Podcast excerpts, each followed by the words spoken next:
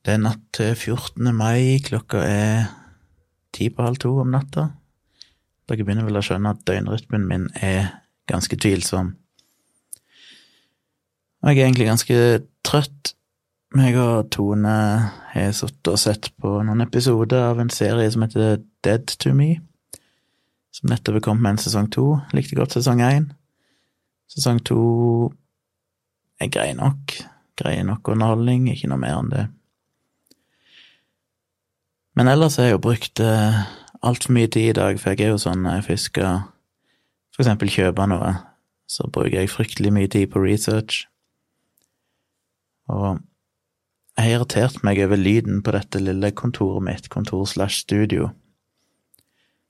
Jeg vil snakke om det før, men jeg lager videoer, så jeg er ofte mer opptatt av lyden. Bildet er relativt enkelt å få greit, men lyd er tricky. Og jeg syns alltid det er noe som er problematisk med lyden. Så prøver jeg å fikse det med å redigere,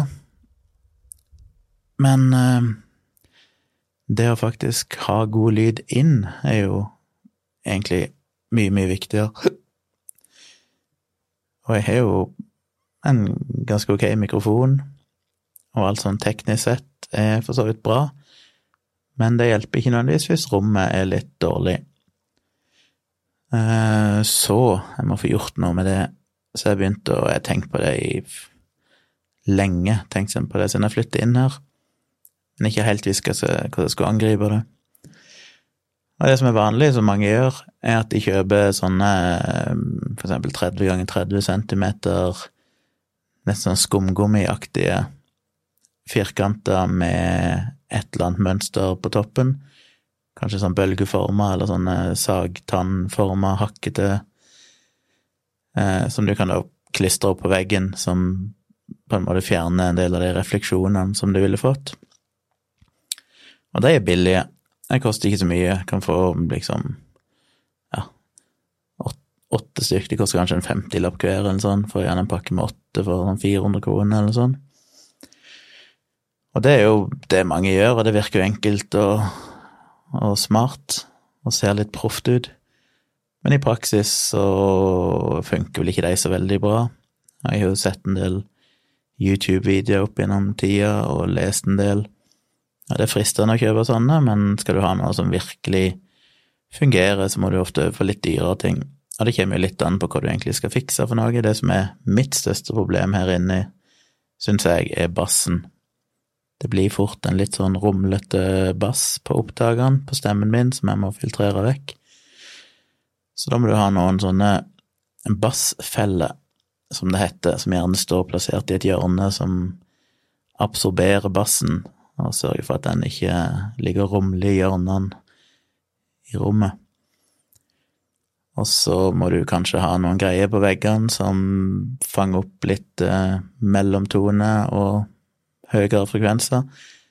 De der skumgummiplatene eller firkantene jeg snakket om tidligere, de funker sånn noenlunde greit på veldig høye frekvenser.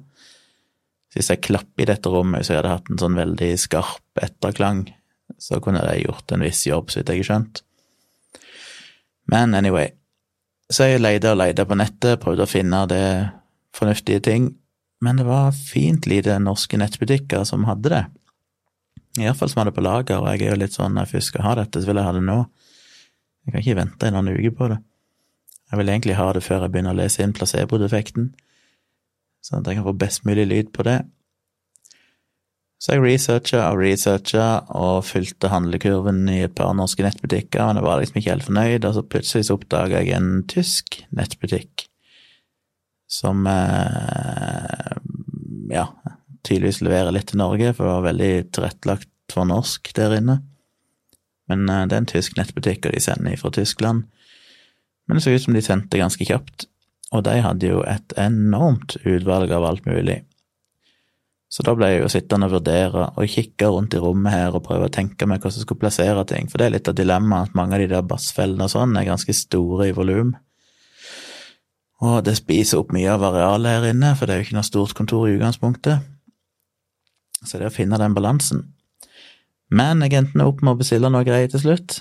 Jeg bestilte um, Ei bassfelle, normalt så det er kanskje en sånn trikanta dings, du eh, skumgummiblokk du på en måte dytter inn i et hjørne. Men det tar bare plass og ser stygt ut, og har ikke noen nytte annet enn den ene funksjonen.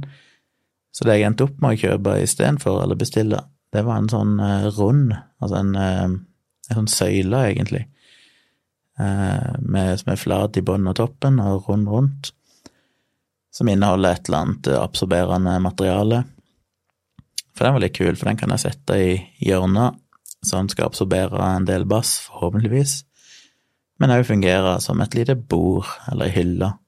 Så da kan jeg ha den på sida av den stolen der jeg sitter når jeg filmer, og så kan jeg sette et eller annet oppå der eh, til pynt.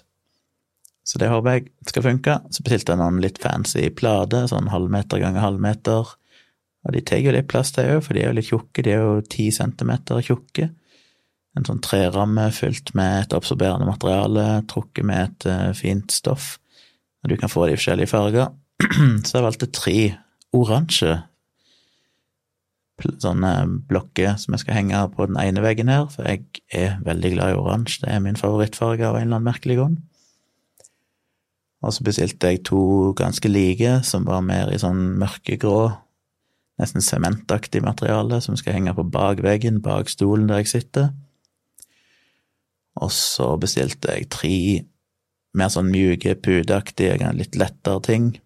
Mer enn det der skumgummigreiene. Litt dyrere og litt mer effektive i lavere frekvenser. Som jeg skal klistre fast på døra mi. Så jeg fyller omtrent hele dørflata med tre sånne, jeg tror det var 60 ganger 60 eller sånn centimeter.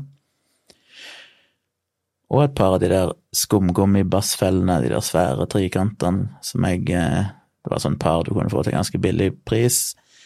Den ene skal jeg plassere under pulten her jeg sitter, nede i hjørnet, for jeg tror den skaper en del problemer, at det blir en del bassrumling under selve desktopen min her.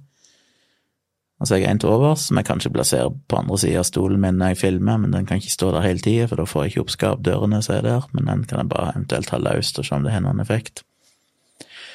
Og så bestilte jeg en pakke med 16 sånne billige skumgummi 30 ganger 30 som jeg bare kan klistre opp på skapdørene og sånn, for jeg er litt skeptisk til de skapdørene, de tror jeg reflekterer en del. Det er ganske stor flate. Så hvis jeg kan ta og dempe litt, iallfall, så tror jeg det kan være greit nok sammen med alt det andre som jeg har. Pluss to ganske store plater, sånn én Store er de? 1,20 eller noe sånt, ganger 60 eller noe sånt, som jeg skal henge i taket etter noen kroker, så de henger en sånn 7,5 cm ifra taket, så henger de og dingler der. Så Det blir jo sikkert litt overkill. Men jeg må liksom få dekka alle de flatene som er her inne, på en eller annen måte.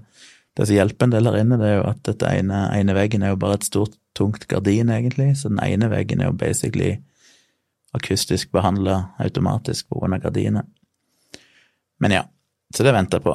Og det er alltid spennende å se hvor fort sånne ting kommer når du bestiller for utlandet. De sa jo at det skulle leveres i løpet av tre til fem dager, men gudene vet om de klarer å holde seg til det. Men det blir jo en ganske stor forsendelse, for det, det er jo stort volum på alle de her tingene, så de kommer til å komme med kasse etter kasse her. Men det var gratis levering når jeg bestilte såpass mye som jeg gjorde, så greit nok.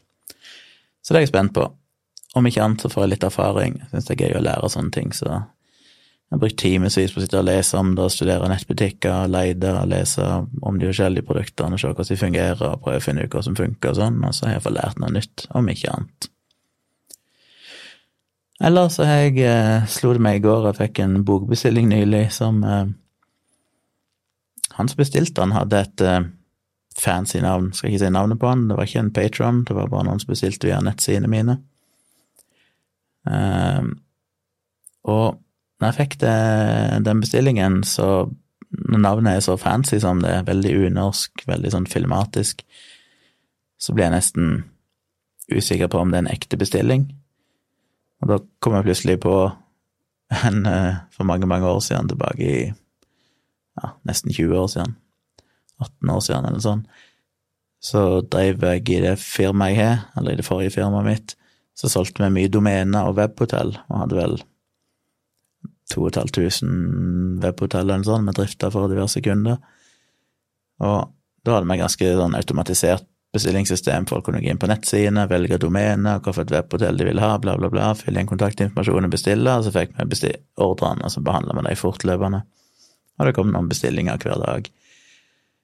Um, og da fikk jeg plutselig en bestilling fra en som heter Kjell T. Ring. Etternavn Ring T som mellominitial, og Kjell til fornavn. Altså kjeltring. Og den ordren bare ignorerte jeg, for jeg tenkte her det bare noen som er kødda. Og så gikk det noen dager, så fikk jeg en purring fra denne Kjell til Ring. Og han lurte på hva det ble av bestillingen, om vi hadde mottatt den. Og da måtte jeg sjekke gule sider og sånn. og så viser det seg at jo da, han finnes jo. Så det er jo en litt eh, Ja, det er jo en litt spesiell eh, ting å navn, gi navn, et spesielt navn å gi sin sønn. Hvis de heter Ring til etternavn, så har de kanskje kalt det for Kjell Tore eller noe sånt. Kjell eh, T, iallfall, og tenkt at det var morsomt. Ellers har de ikke tenkt på det, gudene vet. Men ja, skal ikke ta det for gitt at sånne navn er fake, for det var det tydeligvis ikke i det tilfellet. Så det var litt flaut når vi måtte svare han og finne på en eller annen unnskyldning for hvorfor i all verden vi ikke hadde behandla ordren hans, men Jeg sa jo i går jeg skulle komme ut med placebo-defekten eh, høytlesningsdatoer, så langt jeg ikke kommet, for jeg ble jo oppslukt i uh, denne her uh, akustiske behandlinga av dette studioet mitt, som tok altfor mye tid. Men det kommer. Kanskje i morgen, da. Jeg er basically ferdig med Jeg laga sånt lite promobilde med datoer på så jeg må bare justere datoene og sånn, være sikker på at jeg er enig med meg sjøl, så skal jeg få posta det og skrive litt om det rundt forbi. Ellers tidligere i dag så hadde jeg en eh, var med på en utviklingssamtale for min datter. Jeg har ei datter på 13 år som skal begynne på ungdomsskolen nå til høsten. Hun bor i Kristiansand med sin mor, min eks. Vi har et kjempebra forhold, meg og eksen, kjempegode venner, aldri vært noe noe som helst drama eller problemer der, som jeg er veldig glad for. Eh, men siden hun bor et stykke unna, så er det ikke så lett for meg å være med på de utviklingssamtalene og foreldremøtene, som jeg kaller de. Jeg var med på et nå en del yngre, reise til Kristiansand, men det blir for dyrt å drive og flyge eller ta tog til Kristiansand, det tar altfor mye tid bare for å være med på et møte som var i 20 minutter. Og eventuelt måtte ha hotell noen ganger så jeg overnatta hos deg, men så har hun fått seg samboer nå, og da er det kanskje litt sånn awkward hvis jeg skal sove der for deg, etter søren, men iallfall. Det er ikke blitt sånn. Så det er jo en av de store fordelene med denne pandemigreia, at sånne ting plutselig nå skjer via nett, og så kan jeg være med. Så det håper jeg jo kan skje i framtida òg. For hvorfor ikke? Det er jo ingen grunn til å absolutt måtte møtes opp, eh, møte opp fysisk, og når jeg bor i en annen by, så er jo det veldig praktisk å kunne hooke inn via nettet.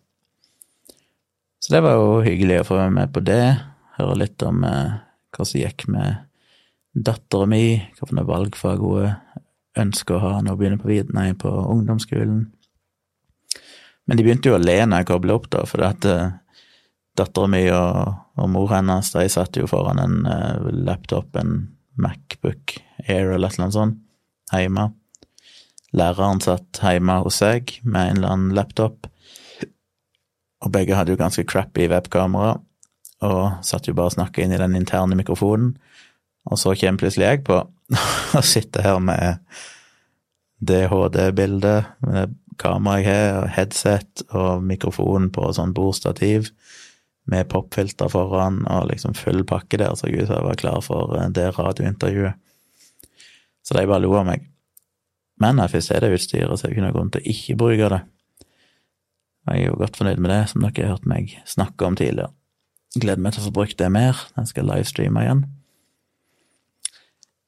Til slutt så vil jeg bare, siden det kom noen musikktips i går, og spent på om noen av dere har sjekka ut noe av det, skriv gjerne kommentarer hvis dere syns det er noe dritt, eller hvis dere liker det, eller whatever. Men det slo meg plutselig at jeg har jo en Jeg eh, vet ikke om dere kjenner til den tjenesten som heter last.fm.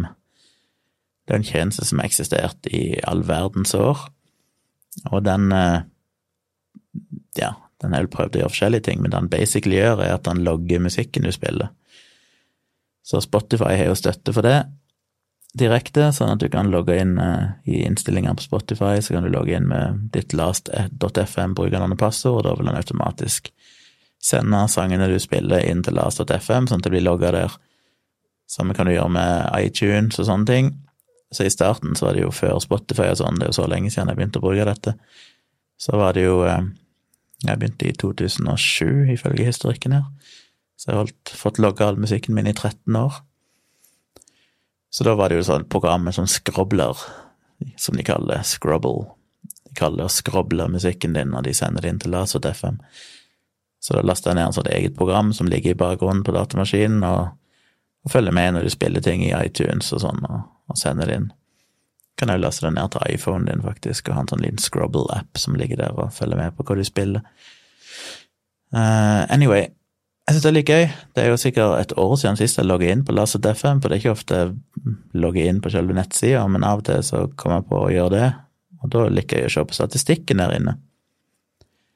For det jeg kan se nå, hvis jeg, det er ikke så veldig intuitivt det brukerinterfacet, de har lagt det om så veldig, det ser veldig fancy ut, men eh, det tok litt tid før jeg fant ut hvor i all verden jeg fant oversikten over all musikken min. Men når jeg ser på statistikken fra 2007 og fram til i dag, så ser jeg for det første at det var i 2009-2010 jeg hørte mest på musikk. Og så gikk det liksom gradvis nedover. Gikk litt opp igjen i 2018, men uh, så ned igjen. Vi har ikke kommet så langt i 2020 ennå, så det er ikke godt å vite hvordan det vil slå ut totalt sett, men vi har jo kommet over en kvart av året, så jeg liker ikke så veldig godt an. Ligger vel kanskje litt over 2019-nivå. Så jeg vet ikke hvorfor jeg har hørt mindre. Uh, før i tid så satt jeg og hørte Altså, 2017 var ekstremt lågt. I 2017 så hadde jeg hørt like lite på sanger hele 2017 som jeg har gjort så langt i 2020. Men det tror jeg må skyldes at jeg ikke var logget inn på Laser FM eller et eller annet, at jeg ikke er blitt logga. Men jeg hører mindre på musikk nå enn jeg gjorde før. Og litt usikker på hvorfor. Jeg, før så hadde jeg alltid på musikk, som jeg sa i går, dette med sånn programmeringsmusikk, jobbemusikk. Um, jeg sitter oftere og jobber i stillhet nå, jeg vet ikke helt hvorfor. Det er av og til bare fordi jeg blir opptatt, og så glemmer jeg å slå på musikk, og merker det ikke, for jeg er så fokusert. Plutselig jeg hører jo veldig mye på podkaster, men jeg hørte ikke så mye på musikk sånn i headset og sånn heller tidligere, så jeg vet ikke om podkastlytting egentlig er overtatt så mye. Men eh, det som skjedde mer før i tid, var jo at jeg spilte mer musikk når vi hadde venner, for da hang jeg mye med venner, og vi hørte jo alltid på musikk, og var festa i ny og ne og alt mulig sånn. Nå hører jeg jo egentlig aldri på musikk på fritida. Eneste gangen jeg hører på musikk, er jo når jeg sitter og jobber. For når jeg ikke jobber, da ser jeg som regel på et eller annet på Netflix eller YouTube eller et eller annet skjerm som ikke som ikke hører på musikk, eller så hører på podkast hvis jeg er ute på reise og sånne ting, så hører på podkast, så lyttevanene har jo endra seg. Men det er jo gøy å se hva jeg egentlig har hørt mest på, for det har en tendens til å overraske meg litt. Litt mindre overraskende når jeg ser på lista nå, men det jeg har hørt definitivt mest på, det er jeg jo egentlig glad for, for det er jo det jeg vil kalle min all time favorite artist. Og nummer én på lista mi, over 13 år, med 1189 scrubbles, altså sanger som jeg har hørt, er Nick Kershaw. Og den yngre garde aner kanskje ikke hvem det er. Um, de fleste kjenner han vel stort sett gjennom det som folk tenker på som hans store hit, som var The Riddle. Near a tree by a river there's a hole in the ground, where an old man of war goes around and around. Den er jo blitt remixa og gjort mye rart med. Eh, en del kjenner òg Chesney Hawks sin sang The One and Only. I am the one and only. Den er det jo Nick Kershaw som har skrevet. Og Nick Kershaw er jo en litt sånn fascinerende figur. Jeg elsker jo musikken hans, for det, han starta jo på 80-tallet. Uh, eh, han starta vel kanskje tidligere enn det, men iallfall på 80-tallet han ble kjent. han begynte vel opprinnelig med noen sånn jazz-fusion-prosjekter, og det bærer jo musikken hans preg av den dag i dag fordi han var jo stor på 80-tallet, ga ut et par-tre album, og tidlig på 90-tallet så sa det vel egentlig stopp, og så var det stille i mange år. Men så var det vel i 1998 eller 99 så kom han med et nytt album som heter uh, Hva helsike heter det? Han har stått stille for meg. Men jeg husker iallfall at jeg satt på det spede World Wide Web uh, med en laptop som jeg var veldig stolt over å ha kjøpt i så tidlig, på slutten av 90-tallet. Et tjukt beist av en liten crappy laptop. Og så på en eller annen måte så oppdaga jeg plutselig et eller annet om Nick Kershaw, og det kom med et nytt album. Og det var gitt ut av han sjøl, fordi sjøl hvor stor han var tidligere, så hadde han ikke noe platekontrakt lenger, og sånn, så han hadde spilt inn alt i sitt eget hjemmestudio og, og gitt ut det albumet. Jeg tror han ga det ut på eget selskap òg. Um, og så lå alle sangene, en eller annen merkelig grunn, så var alle sangene lagt ut på hjemmesida hans så du kunne høre alle sangene i sin helhet. Og jeg glemmer aldri den notta. Jeg oppdaget det midt på natta, og så begynte jeg å høre på dem, og så var det bare Jeg visste ikke hva jeg skulle gjøre av meg sjøl. Jeg begynte å sende meldinger til alle jeg kjente, for da Da vi akkurat hadde begynt å bruke SMS. Og bare sånn shit, så bra. Og jeg klarte ikke å komme over hvor bra det var. Aldri hørt bare litt, det var sånn ti sanger eller noe sånt på det albumet. Der bare hver eneste sang var bare en åpenbaring. Det var bare sånn dette Jeg skulle tro det var skrevet til, til mine musikknevroner i hjernen, for det var bare skreddersydd for det jeg liker. Og det jeg elsker med Nick Kershaw, er at han har jo et veldig poppete preg. Det høres ut som veldig enkel kommersiell musikk, men når du begynner å analysere det, så er det jo alltid veldig, veldig intrikat. Merkelige akkordganger, merkelige taktarter som du kanskje ikke merker engang, for han kamuflerer det så godt, men du bare merker sånn Oi, shit, denne sangen går i fem fjerdedelstrakter, ja. Det er jo ikke helt vanlig i en sånn popkommersiell setting.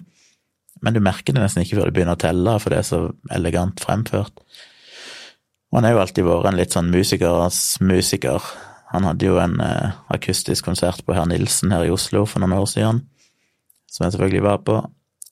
Og da var det jo gøy å se hvem som kom, for det var jo bare så mye kjendiser og artister sånn, som kom der, for det er artister, folk som jobber med musikk, enten en som var veldig glad i Nick Kershaw, for de vet at musikken hans er jo bare fantastisk. Han hadde en annen konsert på eh, Rockefeller, der de som oppvarma, var Ingrid Bjørnov eh, og godeste Åh, Helsiken, hva han heter, han som har skrevet Åh, han forfatter og komikeren Are Kalvø var der, og de varma opp. Så Ingrid Bjørnar hadde vel skrevet en slags hymne, en slags sang dedikert til Nick Usher, som hun fremførte på piano. Og så kom Are Kalve opp, og så begynte de å krangle om hvem som var de største, den største Nick Usher-fanen her i Norge. Og kom vel fram til at uh, Are Kalve var nummer to, og Ingrid Bjørnov nummer tre, eller noe sånt. For det som var nummer én, det var en helt vanlig dude som jeg tilfeldigvis hadde blitt kjent med via internett, for jeg hadde funnet sånn Nick Kershaw-diskusjonsforum der jeg plutselig fant en annen nordmann, og så sendte jeg melding til han sånn, ja, før jeg flyttet til Oslo, sånn i 2007-2008 eller sånn. Og så var det liksom hei, kult å se en Nick Kershaw-fan, og så skrev vi litt fram og tilbake, og vi er Facebook-venner den dag i dag. Og de kjente jo tydeligvis til han, for han er jo sånn som reiser rundt i hele verden. Uansett hvor Nick Kershaw er konsert, så reiser jo han der. Han er jo sånn 80-tallsfan som reiser på alt av sånne konserter med reunions av 80-tallsband og artister. Men han var da nummer én. Og jeg vil jo nesten hevde at jeg må være nummer fire, da, i så fall. Fordi Nick Kershaw er så stor for meg. Og han er jo så genial, for han har jo alltid med seg de aller beste musikere. Når du ser på de tidligere albumene hans, så har han jo bare kremen av studiomusikere som spiller med han, og det er ikke tilfeldig. Folk vet at den musikken han lager, er spennende og bra, sånn musikalsk sett.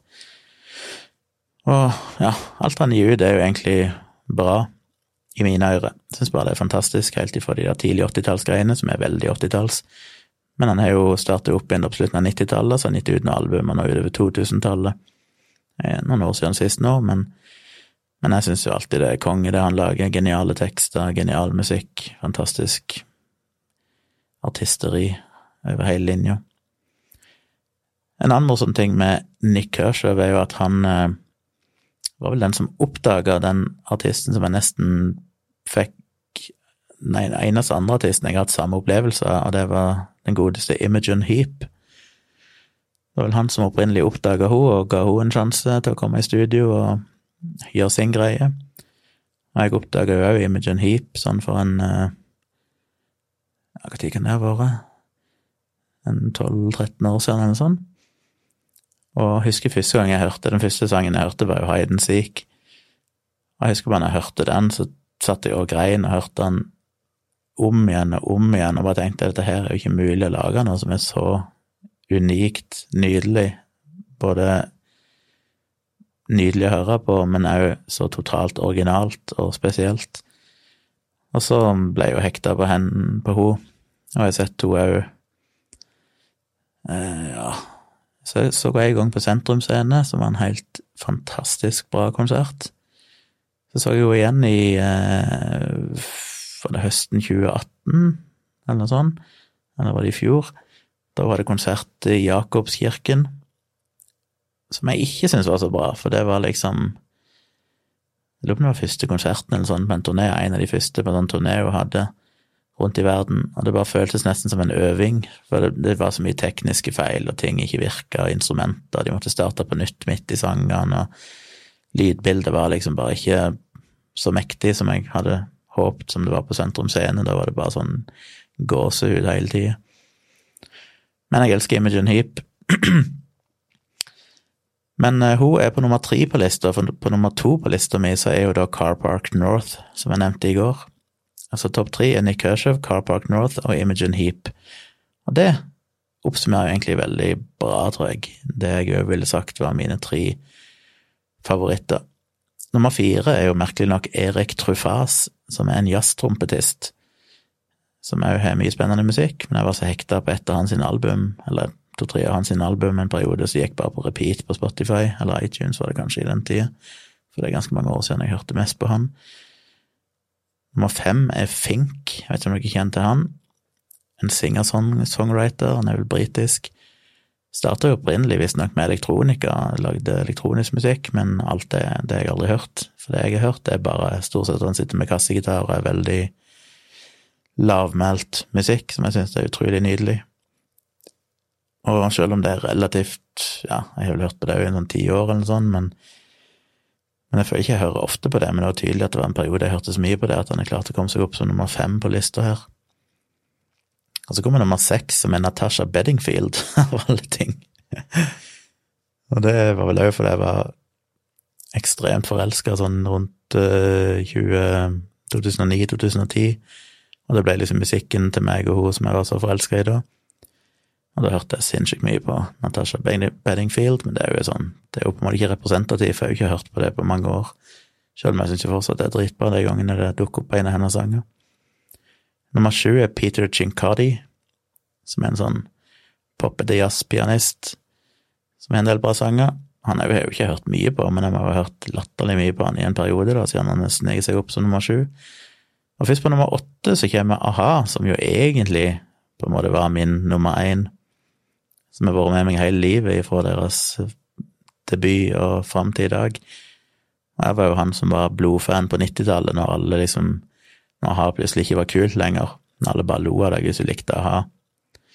Da var jeg sånn blodfan, for da var det litt alternativt å være a-ha-fan. Og jeg husker jeg satt på IRC, eller IRK, på 90-tallet og chatta med folk i hele verden, og hadde en eller annen sånn merkelig misjon at jeg skulle overbevise folk om hvor bra jeg har vært, Så jeg satt inne på masse sånne amerikanske kanaler, chatterom, og kom i prat med folk og spurte ja, du hørte om a-ha? Sånn, ja. Så alle var sånn ja, ikke det der One Hit Wonder, Take On Me.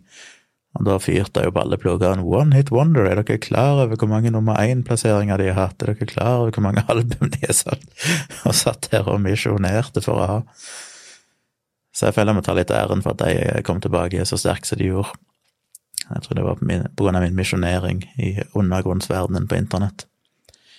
Nummer ni er Sigvart Dagsland, som folk har et veldig ambivalent forhold til. Det er jo litt sånn love or hate med han. Jeg tror det er mange som hater Sigvart Dagsland, syns det er utrolig kjedelig, men, og det gjorde jo jeg òg i veldig mange år. Og det var mest min yngre bror som var litt Sigvart Dagsland-fan, Og på et eller annet tidspunkt når jeg satt og jobba, så plutselig kom det på noe Sigvart, og så begynte jeg å høre på han. Og så ble jeg hekta, og nå syns jeg jo han er helt guddommelig. Uh, han har jo gitt ut så usedvanlig mye bra musikk. Og han er jo litt som uh, Nick Kershaw, med at han i Norge, norsk standard, så er jo han òg alltid med seg de beste musikerne i Norge når han gjør ting, og det er liksom på det høyeste nivået, rent musikalsk. Og nummer ti er Porcupine Tree, som òg er litt rart, for jeg har jo ikke hørt mye på dem, men tydeligvis har jeg hatt en periode der jeg har hørt ekstremt mye på dem, som gjør at de havna på tiendeplass på lista mi, selv om det føles litt sånn. Det er det som er litt Det var en periode for et par-tre år siden jeg var inne og så på lista her, og da var jo ja, Sånn som Paramore ligger jo som nummer 20, men hva er det hun heter, Avril Lavigne, 31 um, ja, det er noen sånne som ligger langt oppe på lista, som er sånn Ja, jeg syns de er mye bra, men om de er fortjener å være så langt oppe, det overrasker meg litt. Det er tydeligvis en del artister jeg har hørt mer på enn det jeg egentlig trodde sjøl, som gjør at denne her lista er sånn Den gir jo ikke et riktig bilde av hva jeg hører mest på sånn generelt sett, men fordi jeg har hatt korte perioder der jeg har hørt intens mye på noen, så har de da sneket seg opp på lista. Og når du kommer nedover lista her, så begynner de å bli veldig tett. Da ligger mange av de på omtrent det samme sånn i antall uh, avspillinger. Dirty Loops, som jeg jo anbefalte så varmt i går, ligger jo bare på 42.-plass, men det er jo fordi det er ikke så lenge siden jeg oppdaga de. Snarky Puppy på 45.-plass. Men hvis jeg ser på ja, vi ser på tracks, hva jeg har hørt mest på, hvilken sang jeg har hørt aller mest på, ja, det er faktisk Car Park North, med en sang som heter When We Were Kids som dere bør høre. Og nummer to på lista er jo Car Park North, og det er Raise Your Head. Og nummer tre er Imogen Heap med First Train Home. Så kommer Peter Chincardi med Goodbye Philadelphia, så kommer Imogen Heap igjen med Half-Life. Så kommer Snarky Puppy med Bad Kids to the Back. Nummer sju er Imogen Heap med Good Night and Go. Nummer åtte er Ellie Golding med Under the Sheets. Det er veldig rart. Nummer ni er Ladyhawk med Magic. Og nummer ti er Conor Patrick and The Shooting Tsar Orchestra med A Wonderful World. Veldig, veldig rart. Rar liste. Men jeg hører ikke så mye Jeg er ikke sånn person som setter én sang på repeat, så det at eh, hvis jeg plutselig gjør det på noen, så går de fort opp på lista, selv om jeg ikke har hørt så mye på artisten. Sånn som den Conor Patrick, jeg vil bare bare hørt to sanger, tror jeg, av han. Eller det bandet, jeg vet ikke om det er en artist eller band engang, men de er vel norske. Det var jeg ikke heller klar over før. Jeg hadde hørt på det en stund. Så det er nå Det er nå så Hvis jeg ser på um, 2019, bare for moro skyld, så er det jo et litt mer representativt bilde av hva jeg faktisk har hørt mye på nå, for da er det jo Snarky Puppy som ligger som nummer én av artister. Men fascinerende nok, det albumet jeg har hørt mest på i 2019, det er Helen Sjøholm med et album som heter Euforia. Det var jo min yngre bror som tipsa meg om det. bare eh, en svensk artist som heter Helen Sjøholm, som eh, synger coverversjoner av Billy Joel-sanger med svensk tekst. Så det er Billy Joel-sanger oversatt til svensk i et akustisk, litt jazza um, komp. Og den fikk jeg så dilla på, så det satt jeg programmerte intenst på jobb, og så satte jeg en album der og gikk om igjen og om igjen. Og så er det Bad Kids to the Back av Snarky Puppy, som er det, den låta, den sangen jeg har hørt mest på i 2019. Så det var litt om eh, musikksmaken min. Hvis dere er på last.fm, så går det jo an å sende meg en friend request, selv om jeg ser ikke helt poenget med det, men da kan dere vel se hva jeg hører på, hvis dere skulle ha noen interesse av det. Ja. Så det var litt om musikk i dag og litt om andre ting. Sikkert fryktelig uinteressant, men det er gøy å snakke om musikk. Oi, jeg snakket lenge, jeg skulle egentlig bare bli en kort episode, men du vet, når jeg begynner å rante om musikk, da går tida. Det kan jeg snakke lenge og mye om. Anyway, uh, ja. I morgen er en vanlig dag, en torsdag. Da får vi litt balkongmøbler, så det gleder jeg meg til. Så da blir det vel opprigging av det. Så vi får høres igjen i morgen den dag. God natt. eller god morgen.